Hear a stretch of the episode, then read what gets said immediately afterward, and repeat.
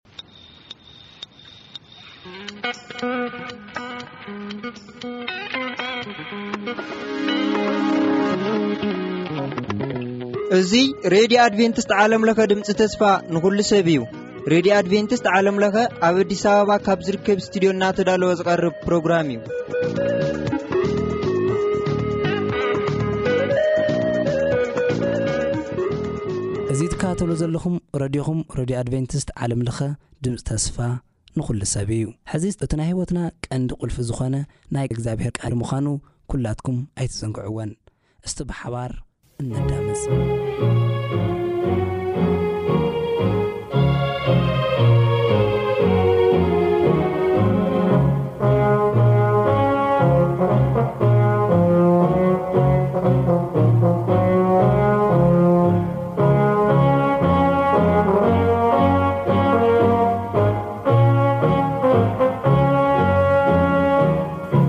ሰላም ከመይ ቀኒኹም ክቡራት ተኸታተልቲ መደባትና እዚ መደብ እዚ መደብ ቃል ኣምላኽ እዩ ካብቶም ነካፍለኩም ቃል ኣምላኽ ከኣ ዛንታ ነብያት እዩ ሕጂ በጺሕናዮ ዘለና ምዕራፍ ክልተ ብዛዕባ ትንቢተ ኢሳይያስ ቅድሚ ናብቲ መደብ ምእታውና ከኣ ንጸሊ ነመስግነካ ዘልኣለማውን ቅዱስን ቅኑዕ ህያዋይ ጓሳ ስለ ደለኻና ስለቲ ምሕረትካ ስለቲ ዘይውዳእ ዝኾነ ፍቕራኻ ነመስግነካ ሓጢኣተኛታት ክንነሱ ግን ብምሕረት ዓይኒ ስለ ልሓለውካና ነመስግነካ በደል ሓጢኣትና ምግዳፍ ዝኣበየና ነፍሳት ኢና እሞ ነሕዋትና በደል ክንገድፍ ጎይታ ንዘልኣለም ክንርስዖ ንምሕጸነካ። ብኣርከስ ካብዚ ስቴርዮ ዝመሓላለፍ መልእኽቲ ዘበለ ኩሉ ሰማዕትና ሂወት ምስ ትርፊ ክኾነሎም ንልምነካ። ስለሽ ሜሲልካ መኣድንታትና ባርኸልና። ኣሜን። ምዕራፍ ክልተ ዘልኣለማዊ ሰላም ይብል። እዚ ሓጢኣትኩም ምስ ነገርኩምኒ ኣነ ኸኣ ንምሕረት ምስ ሃብኩኹም እምንቲ ከተማ ክትምስረት እያ ምስ በሎም ዝመጸ እንደገና ጻውዒት እዩ እዚ። ኢሳይያስ ወዲ ኣሞጽ ብዛዕባ ይሁዳን ዮርሳሌምን ዝረኣዮ እዚ እዩ። በተን ዳሕረዎት መዓልትታት እምባ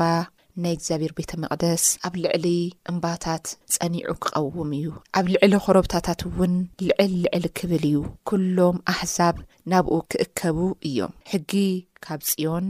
ቃል እግዚኣብሔር ድማ ኻብ ዮርሳሌም ክወጽእ እዩ፣ ብዙሓት ህዝብታት ንዑ ናብ እምባ እግዚኣብሔር ናብ ቤት ኣምላኽ ያዕቆብ ንደይብ ንሱ መንገዱ ኪምህረና እዩ ንሕና ከኣ ብመገድታቱ ክንመላለስ ኢና ኽብሉ እዮም። ንሱ ኣብ መንጎ ኣህዛብ ኪፈርድ እዩ ኣብ ልዕሊ ብዙሓት ህዝብታት እውን ኪብይን እዩ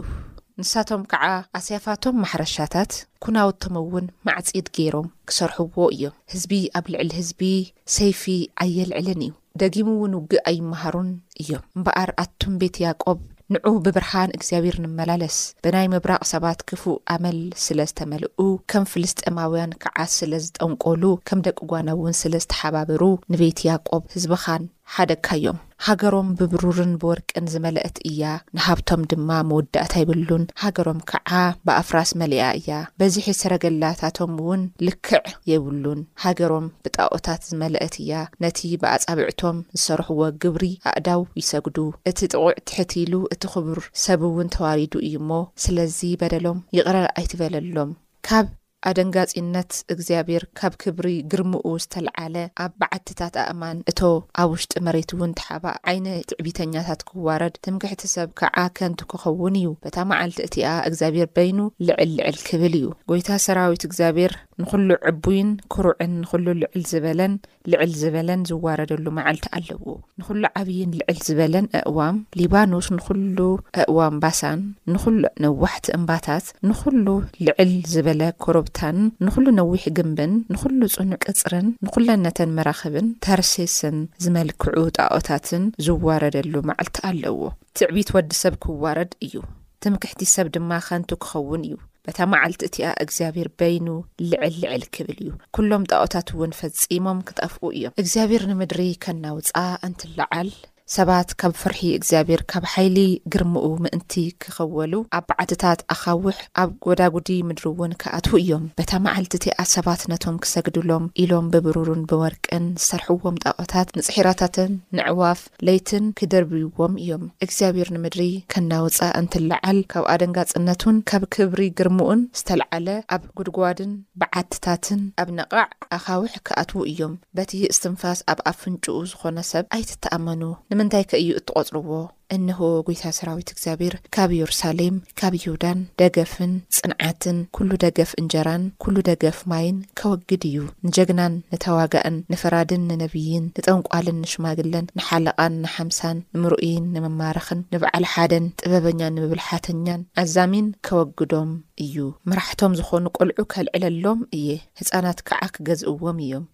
ሰብ ኣብ ልዕሊ ብጻዩ ክደፋፋእ እዩ፣ ቆልዓ ኣብ ልዕሊ ሽማግለታት፣ ሕሱር ድማ ኣብ ልዕሊ ክቡር ክዕበ እዩ። ሰብ ኣብ ውሽጢ እንዳቦኡ ንሓዉ ሒዙ፣ ንስኻ ክዳን ኣለካ እሞ መራሒና ኹነና፣ ነዚ ዑና እዚ ከዓ ኣብ ትሕቲ ኢድካ ግበሮ እንተበሎ፣ ንሱ ከዓ በታ መዓልቲ እቲኣ ድምጹ ዓው ኣቢሉ ኣነ በዓል መድሓኒት ኣይከውንን፣ ኣብ ቤተይ ድማ እንጀራ ወይን ክዳን የለን፣ መራሒ ህዝቢ፣ ኣይትግበሩኒ ክብል እዩ። ነዒንቲ ክቡር ክቑጥዑ ልሳኖም ክገብሮም ኣንጻር እግዚኣብሔር እዩ እሞ እስራኤል ሰንከልከል ትብል ኣላ ይሁዳ ከኣ ትወድቕ ኣላ ሕፍረት ገጾም ይምስክረሎም ኣሎ ንሓጢኣቶም ከም ሰዶም የውርይዎ ኣይሓብእዎን እውን ኣብ ርእሶም ጥፍኣት የምጽኡ ኣለዉ እሞ ንነፍሶም ወይለኦም ፍረ ስርሖም ክበልዑ እዮም ንጻዲቕ ሰናይ ክኾነልካ እዩ በልዎ ንበደለኛታት ግና ኽፍኣት ክረኽቦም እዩ ከም ግብሪ ኢዶም ከዓ ክፍደዩ እዮም እሞ ወይልኦም ንህዝበይ ኣገበርቶም ይገፍዕዎም ጨቆንቶም ከዓ ይገዝእዎም ኦው ህዝበይ መራሕትኻ ኣጋገዩኻ ነታ እትኸደላ መንገዲ የጥፍእዋ ኣለው እግዚኣብሔር ንፍርዲ ተላዒሉ ኣሎ ኣብ ልዕሊ ህዝቢ ክፈርድ ቀዊሙ ኣሎ እግዚኣብሔር ነቶም ዓበይቲ ህዝቡን ኣሕልቑን ይፈርዶም ኣታኽልቲ ወይኒ ዝበላዕኹም ንስኻትኩም ኢኹም፣ ካብ ድኻታት ዝወረርክምዎ ኣብ ገዛኻትኩም ይርከብ፣ ንህዝበይ ንምንታይ ተድቅቕዎ ኣለኹም፣ ንገጽ ድኽታማት ንምንታይ ትጥሕንዎ ኣለኹም፣ ይብል ጐይታ ሰራዊት እግዚኣብሄር። መሊሱ እግዚኣብሄር ከምዚ ይብል ኣሎ፣ ኣዋልድ ጽዮን ኰሪዐን፣ ክሳውደን ገቲረን፣ ብዒተን እናጠቐሳ፣ ግንታእ ብዝበለ ኣረጋግጻ ናይ እግረን ኣልቦ፣ እናቐጨላ ይኸዳ ኣለዋ እሞ ስለዚ ጎይታ ንናላ ኣዋልድ ጽዮን ከንክዖን ንሕፍረት ከኣ ክቐልዖ እዩ በታ መዓልቲ እቲኣ ጎይታ ንናይ ክብሪ ገጸይን ንኣምባር እግረንን ንገይጺ ጸጉረንን ቅርጺ ወርሒ ንዘለዎ ገይጺ ክሳደንን ኩትቻ እዝነንን ኣምባር ኢደንን መሸፈኒ ገጸንን መሸፈኒ ርእሰንን ኣልቦኦንን ሰንሰለትንን ቅናተንን ብልቃጥ ሽቶኣንን ክታበን ቀለበት ኣጻብዕተንን ቀለበት ኣፍንጭኣንን ዝጸበቐ ቀሚሸንን ቀሚሽ ውሽጠን ካብኣተን ናይ ኢድ ቦርሰኣን መስትያተን ካብ ጽቡቕ ኤፋድ ዝተሰርሐ ክዳነን ገይጺ ርእሰን ኩሉ ዓይኒ ርግቢ ክምንጥለን እየ ከምዚ ክኸውን እዩ ክንዲ ምዑዝ ሽቶ ሕማቕ ጨና ክንዲ ቅናት ክዓ ገመድ ክንዲ ቆናኖ ነኹዓትን ክንዲ መጎናጸፍያ ክዓ ወጮ ክንዲ ጽባቐ መልክዕ ብሰላ ንዳድ ሓዊ ክኸውን እዩ፣ ኣጕባዝኪ ብሰይፊ ጀጓንኺ ኸዓ ኣብ ውግእ ክወድቁ እዮም። በሪታት ክሓዝናን ክበኽያን፣ ንሳውን በይና ኣብ ምድሪ ክትቕመጥ እያ። በታ መዓልቲ እቲኣ ሸውዓተ ኣንስቲ ንሓደ ሰብኣይ፣ እንጀራ ንበልዕ፣ ክዳንናውን ንከደን፣ ግና ጥራሕ ስምካ ኣብ ልዕሌና ይጸዋዕ፣ ውርደትና ኣወግደልና እናበላ ክሕዝኦ እየን። በታ መዓልቲ እቲኣ እቲ ጨንፈር እግዚኣብሄር ንኽብርን ንገይጸይን ክኸውን እዩ፣ ፍረ እታ ምድሪ ድማ ነቶም ኣብ ኢየሩሳሌም ዘምለጡ ሰባት ንትምክሕትን ሓጎስን ክኸውን እዩ። እግዚኣብሔር ብመንፈስ ፍርድን ብዝቃጸል መንፈስ ገይሩ ንርሳሓት ኣዋልድ ጽዮን ምስ ሓጸበ፣ ንደም ኢዮርሳሌም ድማ ካብ ማእከላ ምስ ኣጽረየ፣ ኩሉ ኣብ ጽዮን ዝተሓደገን ኣብ ኢዮርሳሌምውን ዝተረፈ ኩሉ ኣብ ኢዮርሳሌም ንህይወት ዝተጸሓፈ ቅዱስ ክበሃል እዩ። እግዚኣብሔር ኣብ እምባ ጽዮን ኣብ ልዕሊ እቶም ኣብኣ ዝእከቡ ብመዓልቲ ደመና ትክን ብለይቲ ከኣ ሃልሃል ዝብል ብርሃን ሓዊ ክፈጥር እዩ። ኣብ ልዕሊ ዅሉ ክብሪ መጋረጃ ኪኸውን እዩ፣ እዚ ኸኣ ብመዓልቲ ካብ ሃሩር መጽለሊ፣ ካብ ዝናም፣ ካብ ኣውሎ ንፋስ ንመጸግዕን መሕብኢ ስፍራ ኪኸውን እዩ። ድሕሪ ግዜታት፣ እዚ ቃል እዚ እንተ ደኣ ሰሚዕኩም፣ እዚ ትእዛዝ እዚ እንተ ደኣ ተኣዚዝኩም። ሰይፊ ናብ ማሕረሻ፣ ኣጽዋር ናብ ጎዞሞታት ከም ዚቕየር። እንታይ ተጌርኩም ናብቲ ክቡር ድኾነ ናብቲ እቲ ንሱ ዝዓስሎ መንፈስ እንተድኣ ተቐሪብኩም፣ እግዚኣብሄር ብምንም መዓልቲ ንኣኹም ከም ደይገድፈኩም ይዛረብ፣ ከም ዘይገድፈና ይዛረብ። ስለምንታይ? እሙን ዝኾነ ኣምላኽ እዩ። ዝተዛረቦ ንዘመናት ከይፈጸመ ሱቕ ኣይበለን። እንታይ ይብል? ድሕሪ ጊዜ ወረ ኹናትን ወረ ጦርነትን ኣይስማዕን። መዓዘ እዩ እዚ? ምድሪሲ ካብቲ ናይ ሓጢኣት ኣዳም ናብ ምድሪ ካብ ዝድርበ ጀሚሩ እስካብ ሕጂ ወዲ ሰብ በዓል ንበዓሉ ምቅትታል ኣየቋረጸይ። ሕጂ ሽውዓተ ዕጽፊ እዩ ኮይኑ ደሎ ግን ንዑ ኣቱም ቤት ያቆብ ንዑ ብብርሃን እግዚኣብሔር ንመላለስ እንታይ ምእንቲ ክቐሪ ወረ ኹናትን ኹናትን ሰይፊ ናብ ማሕረሻ ክቕየር ናብ ልምዓት ክቕየር ናብ ህይወት ዘለዎ ነገር ክቕየር እንታይ ተጌርኩም ብኹታ እግዚኣብሔር ተተመላለስኩም ብብርሃን እግዚኣብሔር ተተመላለስኩም ስለዚ ኣነ ደስ ልብለኒ ዝምዕራፍ እዚ ዋላ እንተ ደኣ ምድሪ ኣነስ ኣይሰምዒ እንተ ኢላ ግን ዝሰምዕ ሰብ ከኣ ንእግዚኣብሔር ደው ኢሉ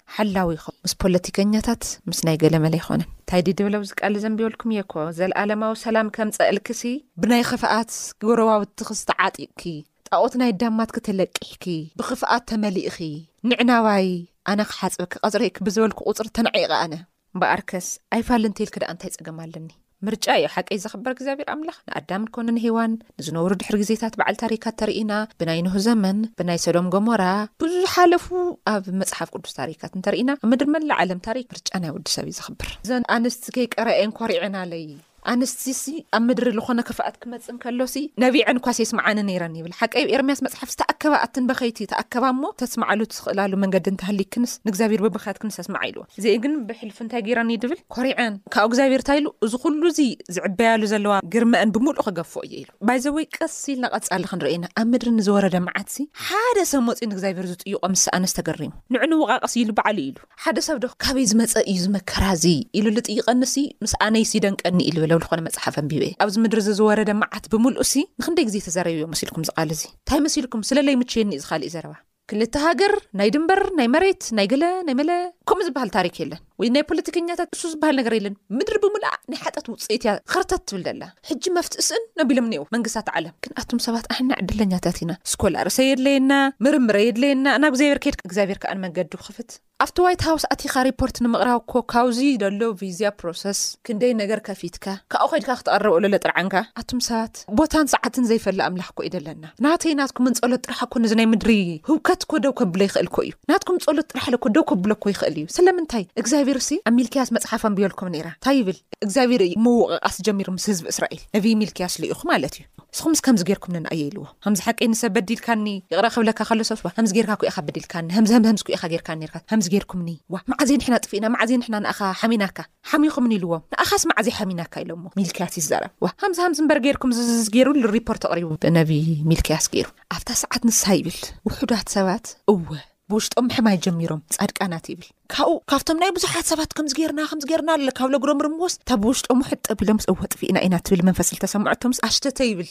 ሰምዖም ይብል የሕዋተይ ክነግረኩም ኸል ሓጢኣትና ተተረዲእና ካብዚ ኣብ ላዕሊ ንእግዚኣብሔር ትሕጉሶ ነገር ምንም ነገር የለ ተተረዲእካ ሓጢኣትካ ከምዚ ኣብ ሰማይ ሰዓው ይዕልልታ እዩ ዝኸውን ምክንያቱ እስኻ ምሕረት ደሊኻ ኣለኻ ማለት እዩ እታ ዝኸፍአት ግን ኣብዛ ብነብዪ እሳያስ ዝተፅሓፈት መፅሓፍ ኣንስትታት ከይቀርያ ኮ እየን ኣንስትሲ በኸየን ንእግዚኣብሔር ከም ዘስምዓ እዩ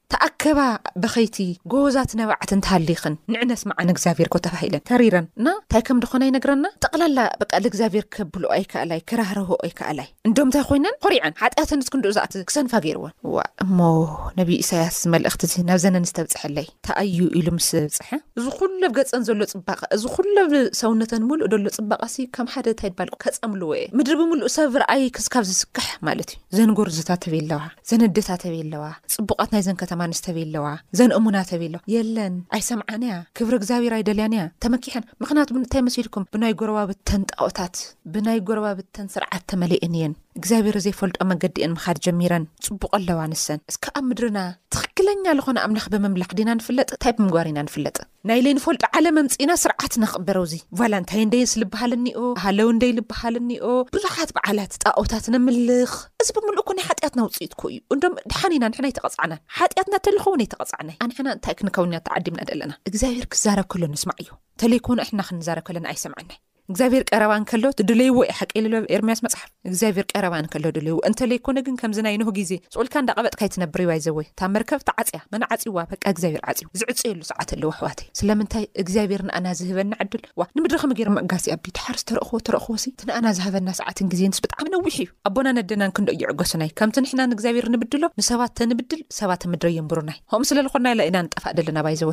ስለዚ ኣነ እንታይ ክነግረኩም መሲልኩም ኣሕዋተይ ኣይሰልቸወኩም እዩ ናይ ጦርነት ወረ ኣይደበረኩም እዩ ተኸልኩምስ ካብ ኣፍ መንግስታት ጥዑይ ክትዛረቡ ተልኩምስ ተራ ዘረባ ካብ ኣፎም ይውፅኡ ምክንያቱ ሰባት እዮም ምክንያቱ ዓመፀኛታት እዮም ምክንያቱ እዚኦም ካብ ናይ እግዚኣብሔር ሕጊ ዝወፁ ሰባት እዮም እግዚኣብሔር ኣይፈልጦን እንታይ ድዩ ልብል ናይ ድኻታት ሃፍቲ ወሪድኩም ኣብ ገዛኹም ተቕምጡ ንሶም ይስክሑ ይኸፍኦም ይጨንቆም ይጠምዩ ይሓዝኑ ፍቐዶ ስደት ዓለም ይኸዱ ዝረህረህሎም የለይ መገዛ ምድሮም ዝሓስዎም የለይ ካባኹም ወጻእስ መን እዩ ክሓስቦ ነዚ ሰብዚ መን እዩ ክሓስቦ ንኣኹም ንእኦምስ መን እዩ ክሓስቦ ዋላ ሓደ ግን ዝርህርህ ሰብ ኣይነበረይ ዋላ ዋላ እዘን ወላዳት ማህጸነን ርህሩሃት ዝነበረለ ጨኪነን ንሰን ከይቀረያ ምስቲ ግፍዒ ዝሳተፋ ኣብዚ ከተማ ዘሎ ዝግበር ግፍዕታት ተሳተፍቲ ይኮና ኣይምልከተናን የሕዋተይ ነገስታት ናብ ምንታይ እዮም ዝመርሑና መሲልኩም ናብ ክፍኣትን ናብ ጣኦትን ናብ ምንዝርን ናብ ዕንወትን ጥራሕ እዮም ኣብ ምድሪ ዘሎ ንጉስ ትኽክለኛ መንገዲ እንተደኣ መሪሑኩም ትጠቕሱለይ ትኽእሉ ኢኹም። ኣብ ልኾነ ሰዓት ጽቡቕ መገዲ ይኸይድ ካብ ልኾነ ሰዓት ግን ናብ ናይ ባዕሉ ዕላማ ኢልኣቲ ናብ ጣኦትን ምድሪ ብምልኣ እስኪ ኣዚ ናይ ለይቲ ዝሰርሓ ቦታታት ካብ ቤተክርስትያን ብላዕሊ እዩ ኮሎ እዚ ኣሕዋተይ እዚ ኮኾነ ኢሎም መንግስታት ዝፈቕድዎ ስራሕ እኮ እዩ ጎርዞታትና ከምዚ ክኾና ካለዋ ሱቕ ኢልና ንርኢ ወጣታትና ከምዚ ዓይነት ዕንወት ክኸዱ እንከለዉ መንግስቲ ሱቕ ኢሉ ይርኢ እዚ ናይ ምንታይ ስራሕ እዩ እግዚኣብሔር ዘይፈቕዶ ከም ምግባር እግዚኣብሄር ከኣ ነፍሲ ዓት መጺኡ ይወርድ ይቐጽዕ፣ እታ መቕጻዕታ ሰይፊ የውርዳ፣ ሽዑ ሰዓት እረ እግዚኣብሄር የለኻን ዲኻ፣ ነይሩባ፣ ንዘልኣለም ውን ክህሉ እዩ፣ ዝተስሓለ ሰይፊ እዩ ናይ እግዚኣብሄር ቃል ይብሉ ሓቀይ፣ ንዘይሰምዕ ሞት እዩ፣ ንዝሰምዕ ህይወት እዩ ናይ እግዚኣብሄር ቃል። ኣንሕና ክንሰምዕ ክንኽእል ኣለና። ንናይ ምድሪ መንግስታት ኣይትተኣማመኑ፣ ወኪላትኩም ኣይትግበርዎ፣ እሶም ናብ ምንዝርናው ጣኦት ምምላኽን እዮም ዝመርሑኹም፣ ብሓደ መንግስትን ፖለቲከኛን ኣይትወከሉ፣ ብሰብ ኣይትወከሉ፣ ኣብ ኣፍንጭኡ ዘላ እስትንፋስ እግዚኣብሄር ዝሃቦ እዩ፣ እሳ እንተተወሲዳ ዝመውት እዩ፣ እቲ ንዘልኣለም ዝነብር ተኣመንዎ። ትማሊ ብዙሓት ሰባት ተኣሚንኩም ተስፋ ቁሪጾምኩም እዮም ተስፋ ቁሪጾምና እዮም ስለምንታይ ኣብ ሰብ ንእመን ስለምንታይ ኣብ ንይ ምድራዊ መንግስታት ንእመን ሰላም ክህውርደልና ሰላም ክህበና ንዝነግረና ኣምላኽ ላኡለይ ንጽዕ ኣሕዋተይ ናብቲ ናይ እምባ ያቆብ ንኽድ ናብቲ እምባ ጽዮን ንሰብሰብ ንእግዚኣብሔር ክብርን ግርማን ክንርኢ ኢና እንተለይ ኮነ ግን እግዚኣብሔር ብካሊእ መንገዲ እውን ናይ ሞት ሂወት በዓልካ ክትኸፍት ትኽእል ኢኻ እግዚኣብሔር ናይ ሞት ኣይድባልካ ኣይከፍቶን በዓልና ኢና ንኸፍት ኣብዛ ምድሪ እዚኣ በዓልና ተለይ ኮና እግዚኣብሔር ክጥየቕ ኣይክእልን ስለዚ ብዚ መገዲ እዚ ኣንሕና ንሰባት ጥራሕ ኣይኮናን ኣብ ምድሪ ንዘለዉ ኣኽቢርና ክንሓልፍ እግዚኣብሔር ልተጸዋዕናሉ ዕላማ እግዚኣብሔር ኣኽቢርና ክንነብር እዩ ክነኽብር ከለና ግን ኣብ ጥቓና ንዘለዉ ቤተሰብ እሕዋት ጓኖት ጎረባብቲ ክንብድሎም ኣይኮነን እንዳበደልና ኣብ ቅድሚ እግዚኣብሔር መስዋእቲ ሒዝና እንተቐረብና እንተጸለና ከም ጸና ጸሌና ጫው ጫው ንብል እንተደይኮነ እግዚኣብሔር ኣይሰምዖን እዩ ካብቲ ምድሪ ዝወርደሉ መዓት ቀደመ ተዋሳእቲ እንሕና ኢና ክንከውን ምኽንያቱ ንሕና ትማሊ ናይ ብዙሓት ሰባት ንብዓት ኮይና ኢና ስለዚ ኣሕናስ መዕንቀፊ ደይኮናሲ እቲ ዝዕንቅፎም መልዕልቲ ኢና ክንከውን ዘለና። እዚ ክንገብር ኢና ተጸዊዕና ባርከስ ናይ ብዙሓት ኣሕዋት ንብዓት ጸረግቲ ኣብ ዝጨነቁም ሰኣት በጻሕቲ እግዚኣብሄር ምሳና ኮይኑ ን ከጽርየልና ነቲ ድሌታትና ክፍጽመልና ኢና ክንንቀሳቀስ ዘለና ተለይኮነ ግን ከቢድ ዝኮነ መገዲ እዩ ክከውን ባርከስ ብዚ ኣካይዳ እዚ ክንከይድ በቲ እግዚኣብሄር ዝልይ መንገዲ ክንከይድ መንገዲ ኣቅናዕት ክንከውን ዝጨነቁም ሰባት ኣብ ዝሓዘኑሉ ሰዓት ናብ እግዚኣብሄር ነቅርቦም እንክእል ሰባት ክንከውን ኢና ንዕደም ብዓልና ለውን መጀመርያ ንክድ ከም በረድ ከጽርየና እዩ። ስለ ዝሓደራ ኣለኩም ግን ናይ ምድራዊ መንግስታት በተለይ ኣይትወከሉ ኣይምልከተኩምን እሶም ኣየድሕኑኹምን ንሶም ዝኽእሉ እንተልኾኑ ኣብ ምድርና ዝወረደ መዓት እቶም ዝሞቱ ኣሕዋትና ክመልስዎም ኣይክእሉን ስለ ደይከውን ስለዚ ንሕና እቲ ሕጂ እውን ተላዒሉ ዘሎ መንፈስ ክንቕንሶ ንኽእል እግዚኣብሔር ኣብ ዝርከቡ እምባ ከይድና እንተ ደኣ ሓሳብና ተቕሪብና ጥራሕ እዩ ስለዚ እዚ ክንገብር እግዚኣብሔር ኣምላኽ ጸጉ የብዝሐልና ሓሳብን ጥያቄን ብልህልይኩም ብልሙድ መስመራትና ባዶ ትሽዓተ ሰማንያን ትሽዓተን ሰብዓን ሸውዓተን ኣርባዓን ሓሙሽተን ቴስዓ ኢልኩም ሓሳብኩምን ጥያቄኹም ክተቕርቡልና ትኸእሉ ኢኹም ተባረኹ ሰናይ ቀን